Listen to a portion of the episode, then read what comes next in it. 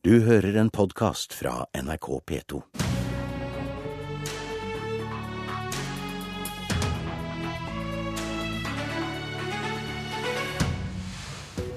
Det blir rød og blå kamp om de lilla velgerne i valgkampen. Forlater Høyre gamle fanesaker for å kapre velgerne i midten? Velkommen til Politisk kvarter, og velkommen til deg, Torbjørn Røe Isaksen. Tusen takk. Du har leda programkomiteen i Høyre, som senere i dag legger fram eh, sine forslag. I sommer så sa du at kampen fram mot neste valg står om de velgerne som vandrer mellom det blå Høyre og det røde Arbeiderpartiet, altså de lilla. På hvilken måte håper du at politikken som dere har meisla ut i programkomiteen, skal kapre denne gruppa? Jeg tror, jeg tror, de velgerne som vi vil ha, og det er jo først og fremst de vi skal flytte over midtstreken for å kunne fortsette med, fortsette med en borgerlig regjering, de er for tiden opptatt av trygghet, for de ser at verden blir mer urolig. Så er de opptatt av de mulighetene som ligger i omstilling for Norge, med både flere arbeidsplasser, grønt skifte.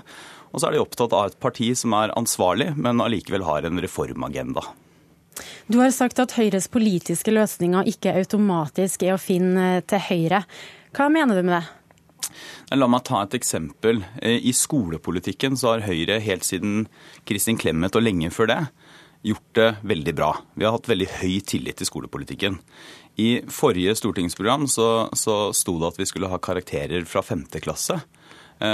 Jeg mener at det er, ikke, det er ikke noe automatikk i at Høyre alltid skal gå litt lenger ut på standpunktene. Poenget vårt må jo være å finne de fornuftige standpunktene som et konservativt folkeparti og holde på dem.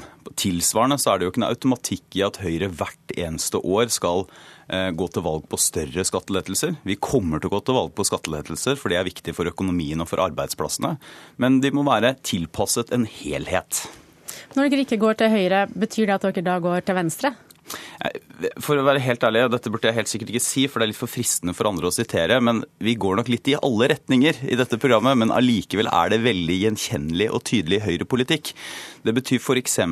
på i ruspolitikken så foreslår vi en ruspolitikk som har større oppmerksomhet rundt skadebegrensninger, samtidig som vi fortsetter å bygge på det regjeringa har gjort med satsing på å få ned ventetiden i rus, satse stort på både rusomsorgen og psykiatrien. Det er veldig mye gjenkjennelig på både skolepolitikk, få ned helsekøene, satsing på samferdsel, satsing på private arbeidsplasser og privat næringsliv. Samtidig så forsøker vi også å tenke nytt, f.eks. på hvordan vi kan gjøre noe med velferdsordningene våre. Du har allerede snakka om skatt. Dere går bort fra løftet om å fjerne formuesskatten helt. Dere dropper karakterkrav fra femte klasse og mener ikke lenger at fedrekvoten er en trussel mot familiens valgfrihet.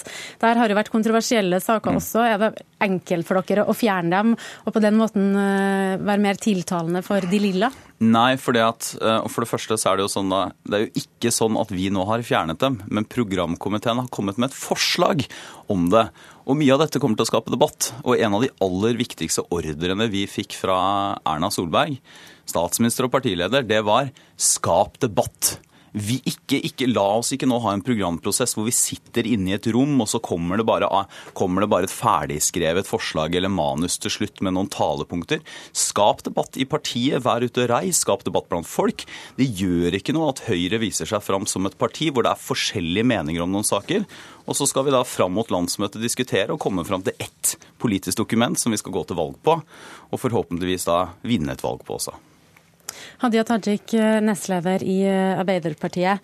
Når du hører på Røe Isaksen nå, tenker du at dersom han får det som han og programkomiteen vil, så nærmer de seg Arbeiderpartiet og vår politikk? Nei, jeg er ikke så veldig bekymra.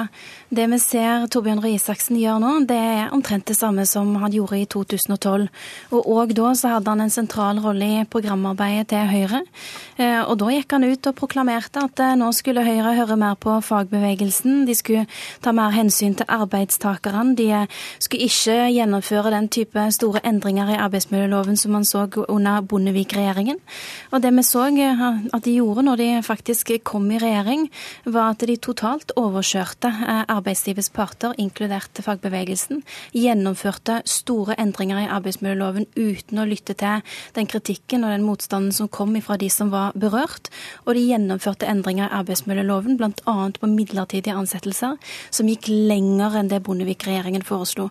Så det Røe Isaksen gjør nå, det er at han pynter bruden ett år før valget. Men når han eh, sier, for det står jo i programutkastet, at Høyre skal gå til valg på moderate skattelettelser, tenker du at ja, det er ikke sikkert den blir så moderat likevel? Vi har i hvert fall sett at de har eh, sagt én ting før valget, forsøkt å fremstille Høyre som mer moderat, mens det som skjer når de faktisk kommer i posisjon, er at de gjennomfører helt klassisk høyrepolitikk.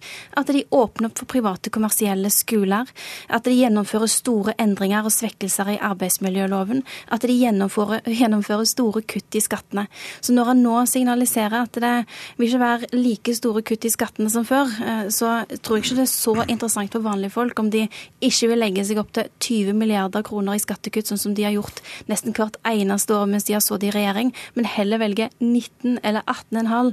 Det er likevel altså et parti som setter kutt i skattene foran det å bruke det på de store utfordringene som vi står overfor nå, både knytta til arbeid, arbeidsplasser og skole og utdanning.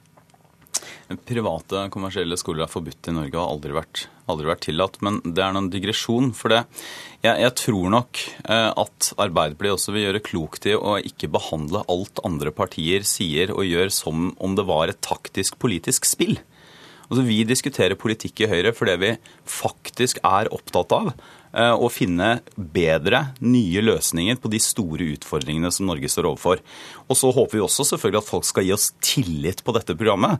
Men det er ikke sånn at vi sitter og forsøker å finmekke et program basert på hva velgerundersøkelsene sier. Vi reiser rundt bedrifter, vi reiser rundt til kommuner, lokalsamfunn, møter folk. Vi har en bunke på over 1000 sider som har kommet av innspill på våre nettsider. Og mye av det er også tatt inn i programmet. Og så må jo vi selvfølgelig, når vi lager et program, så kan jo vi ikke starte med at alt vi har gjort automatisk skal videreføres. Da må vi starte med er det noe vi har gjort som fungerer bra, og er det noe vi må gjøre bedre. En av de tingene vi har gjort som fungerer bra, er jo å senke skatter og avgifter på norske arbeidsplasser. Det fungerer jo så bra til og med at Arbeiderpartiet er jo ikke sikre på om de skal øke skatten igjen etterpå engang.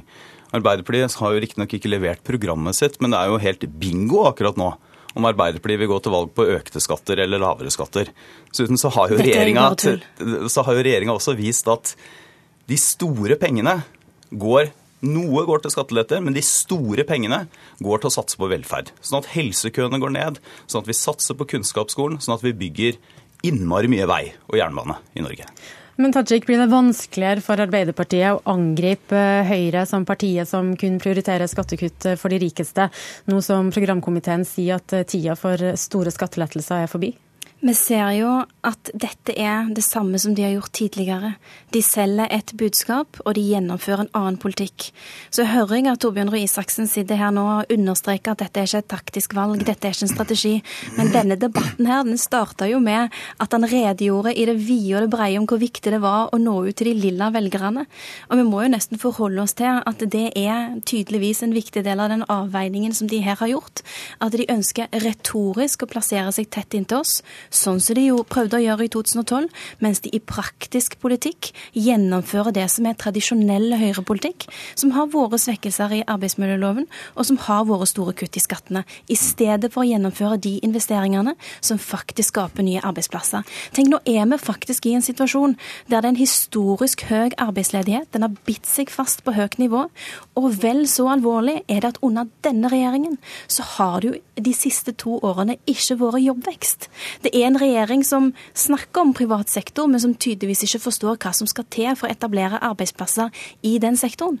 Under Stoltenberg II så klarte man, selv om det var krevende tider, selv om det var finanskrise og tilbake, tilbakegang, så klarte man å etablere over 300 000 nye arbeidsplasser, der to tredjedeler av de var i mm. privat sektor. Men nå skal Røe Isaksen få svar på det du sier. Stjeler dere Arbeiderpartiets eh, retorikk for å i det skjulte gjennomføre Høyres politikk? Nei, og jeg tror man bare må, eller Arbeiderpartiet må slutte å late som om alt andre partier gjør er et taktisk politisk spill. Men det er klart, vi ønsker å nå de velgerne, og det er ganske mange som står mellom Høyre og Arbeiderpartiet.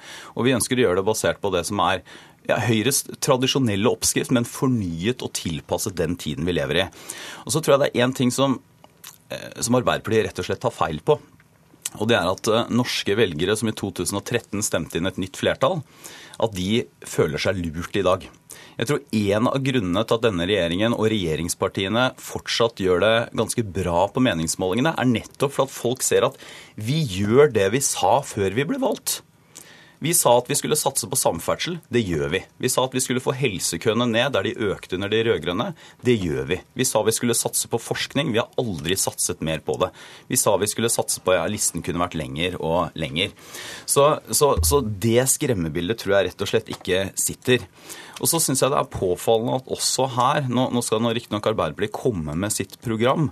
Eh, jeg har ikke hørt no, så veldig mye om hva som kommer der til nå. Vi har vært opptatt av å ha en åpen debatt. Jeg syns det er påfallende at også her så, så, er Arbeiderpartiet mest opptatt av å snakke om spill, de er mest opptatt av å snakke om retorikk, de er mest opptatt av å si nei, de er mest opptatt av å kritisere. Veldig få egne løsninger. Men hvis vi går da på innholdet i politikken. Skatt er jo den klassiske konfliktsaken mellom eh, Høyre og Arbeiderpartiet. Nå vil jo ikke dere lenger avskaffe formuesskatten, men legger dere på den samme linja som skatteforliket, der også Arbeiderpartiet er med. Ja, de er ikke med på den delen av skatteforliket, skal sies da. Så For Arbeiderpartiet så er det jo fortsatt sånn at eh, Arbeiderpartiet har jo Nå får vi se hvor de ender opp, men Arbeiderpartiet har sagt at skattleggingen av norske private eiere som eier norske arbeidsplasser, som jeg mener har en verdi at det eies av nordmenn og ikke eies av et internasjonalt hedgefond eller noe sånt, den har jo Arbeiderpartiet antydet at skal bli verre enn i dag. Og det skal jo ikke veldig mye kreativitet til for å forstå at hvis du skatter norske eiere som har norske arbeidsplasser hardere, så er det god sjanse for at det blir færre norske eiere, og dermed også færre arbeidsplasser på norske hender. Jeg registrerer at til og med på en dag der eh, Høyre skal legge fram sitt eget partiprogram, så er de mest opptatt av å snakke om Arbeiderpartiet. Når det gjelder vår Nei, skattepolitikk, det, det så er jo ikke den spesielt mystisk. Man finner eh, vårt forslag til skattepolitikk i alle våre alternative statsbudsjetter. Der viser det klart og tydelig at to av tre vanlige lønnsmottakere får lik eller mindre skatt enn det de får i dag. Men det vi ikke er med på, som Høyre gjennomfører, er store kutt i skattene, som, eh, som innebærer at man har mindre penger til å gjennomføre nødvendige offentlige investeringer, som òg legger grunnlaget for at man kan skape nye arbeidsplasser. Det de har insistert på å gjennomføre gjennom disse tre årene, det en, eh, har vært eh, i stor grad ideologisk motivert. Vi har spurt de gjentatte ganger hvordan fører disse skattekuttene til at man klarer å skape nye mm. arbeidsplasser. Vi har ikke fått et eneste svar. Og jeg snakker gjerne òg om vår politikk. Jeg ja, mener... men på akkurat en ting på, på, det. altså Den debatten om formuesskatten den eh, har jeg ikke tall på hvor mange ganger vi har hatt her, og det skal vi sikkert ha igjen nå. Men du leder jo Arbeiderpartiets programkomité. Jeg skjønner at dere ikke ennå har lagt fram programmet. Men i Klassekampen i vinter sa du at det var naturlig at dere så på nye modeller for eh, skatt på arv. Er det frykten for å miste de lilla velgerne som gjorde at din eh, partileder i sommer eh, avviste den tanken? Jeg mener at det er naturlig at man i en programprosess diskuterer ulike løsninger og ulike temaer. Eh, og så vil det underveis eh, ikke være alt man går videre på. Arveavgiften er ett eksempel på det. Men jeg mener at det er nødvendig og naturlig at man reiser eh, krevende diskusjoner og ser om det, om det er naturlig å gå videre på de eller ikke. Og dere lander på at det er det ikke? Eh, per nå ser det ikke ut til at dette er noe å gå videre på. Men jeg, eh, jeg, vil gjerne følge opp det som Røe Isaksen sier om at vi ikke snakker om egen politikk. For det er jo ikke sant. Altså Både knytta til eh, tiltakene eh, på arbeidsledighet, så har det jo vært Arbeiderpartiet som har drevet fram mange av de viktige tiltakene som man i ettertid har gjennomført. Vi la fram en tiltakspakke på ungdomsledighet. Den avviste regjeringen. Så gjennomførte de deler av det vi hadde foreslått. Vi foreslo endringer i permitteringsregelverket. Det avslo regjeringen. Senere har de gjennomført gjennomført det som vi foreslo. Så har vi senest for en uke siden påpekt at nå er det behov for at man etablerer statlige lånegarantiordninger som kan bidra til økte investeringer i ny teknologi og ny klimateknologi. Eh, og jeg kan jo fortelle at i vårt programarbeid så kommer vi til å satse på en ny kompetansereform som gjør det mulig for vanlige arbeidsfolk å kombinere det å stå i arbeid med det å ta en utdanning. Fordi vi vet at det å, altså dagens arbeidsliv og framtidens arbeidsliv er kompetansekrevende, det kommer ny teknologi. Og det er viktig at man får tilgangen til å få det påfyllet man trenger for å stå i det arbeidslivet som vi kommer til å møte. Der er vi helt enige. Mm. Eh, og bare helt til slutt, eh, Røe Isaksen. Eh, de siste meningsmålingene viser at velgerne vandrer fra Høyre til Arbeiderpartiet. Hvordan skal du få dem tilbake igjen? Vi skal få dem tilbake ved å både peke på hva vi har gjort i denne perioden, men si at vi ikke er ferdig. Så skal vi snakke om behovet for trygghet i en verden som endrer seg, og for å skape nye muligheter eh, i den omstillingsperioden som Norge er gjennom. Og ikke minst nye arbeidsplasser i privat sektor. Vi kan ikke løse dette ved å ansette alle i offentlig sektor. Takk for at du kom, Torbjørn Røe Isaksen. Takk til deg, Hadia Tajik. Dagens Politiske kvarter er over. Jeg heter Siv Sandvik. Du har hørt en podkast fra NRK P2.